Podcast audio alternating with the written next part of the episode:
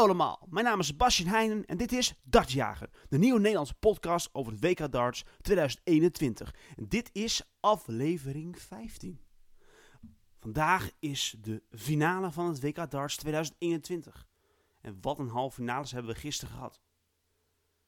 Geen Nederlanders zoals eerder gezegd, maar het waren zeker mooie partijen om te zien.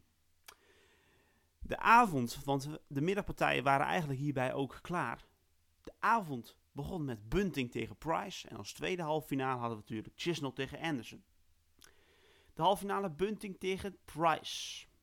Price pakte wel de eerste set, maar het ging gelijk op. De tweede set ging dus daarom naar Bunting. En toen zette Bunting eventjes een, een, een setje of, twee neer met echt goed spel. Dus kwam hij dus gewoon zo met 3-1 voor. Price leek het kwijt te hebben, maar kwam toen weer met 5 en set 5, 6 weer terug naar 3-3 in sets. Het werd nu best wel, nou ja, toch wel spannend hoe en wat.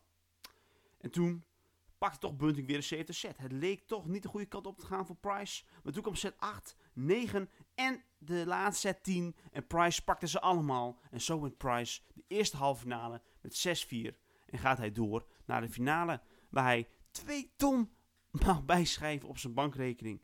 En mag hij het toernooi winnen, dan is hij de nieuwe nummer 1 van de wereld. En gaat hij daarover Michael van Gerren voorbij. Daar zometeen meer over. Want eerst gaan we hebben over de tweede halve finale. Dat was Dave Chisnell tegen Gary Anderson. Voorhand leek dit een sowieso een beetje een 50-50 wedstrijd te gaan worden. Maar Chisnell, de man in vorm, in ieder geval dit toernooi.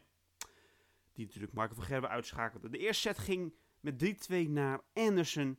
En de tweede set ging 3-2 naar Chisnell. Het leek dus een mooie onder te gaan worden.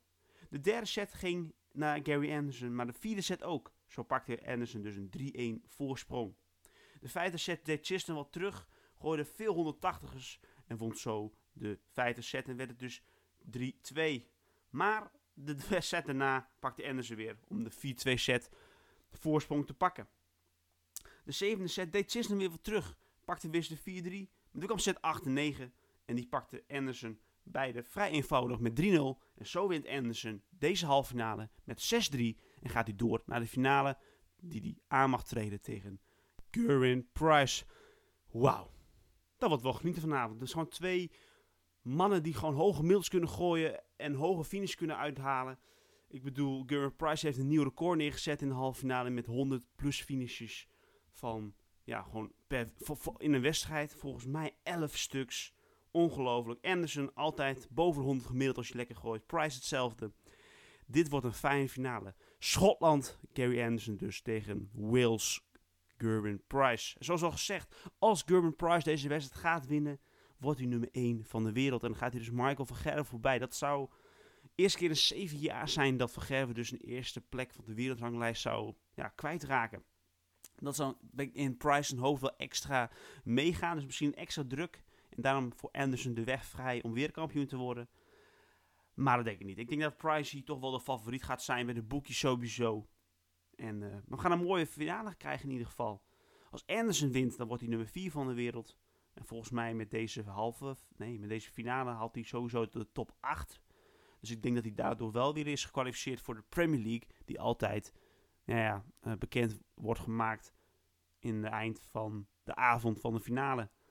Dat ga ik morgen zeker wel bespreken in de laatste, in ieder geval, podcast voor 2021 van het WK.